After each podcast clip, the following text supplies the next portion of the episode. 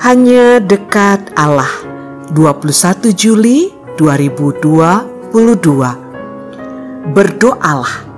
Lukas 22 ayat 39 sampai 46 Berdoalah supaya kamu jangan jatuh ke dalam pencobaan.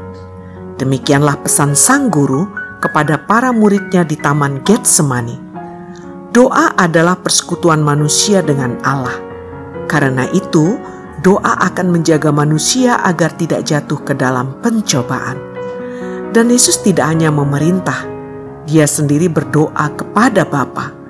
Doa itu jugalah yang membuat sang anak mampu berkata kepada sang Bapa, "Tetapi bukanlah kehendakku, melainkan kehendakmu lah yang terjadi." Cobaan Yesus pada waktu itu adalah mengelakkan diri dari hukuman salib.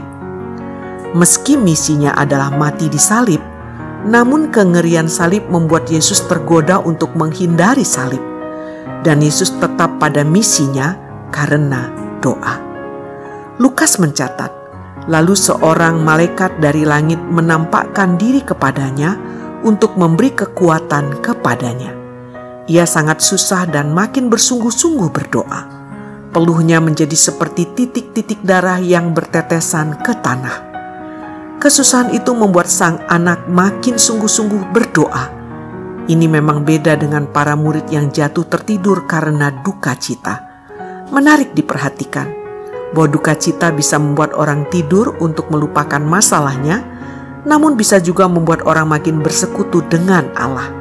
Pilihannya memang ada di tangan manusia, dan sejarah membuktikan bahwa persekutuan dengan Allah akan menjadikan manusia mampu mengatasi cobaan.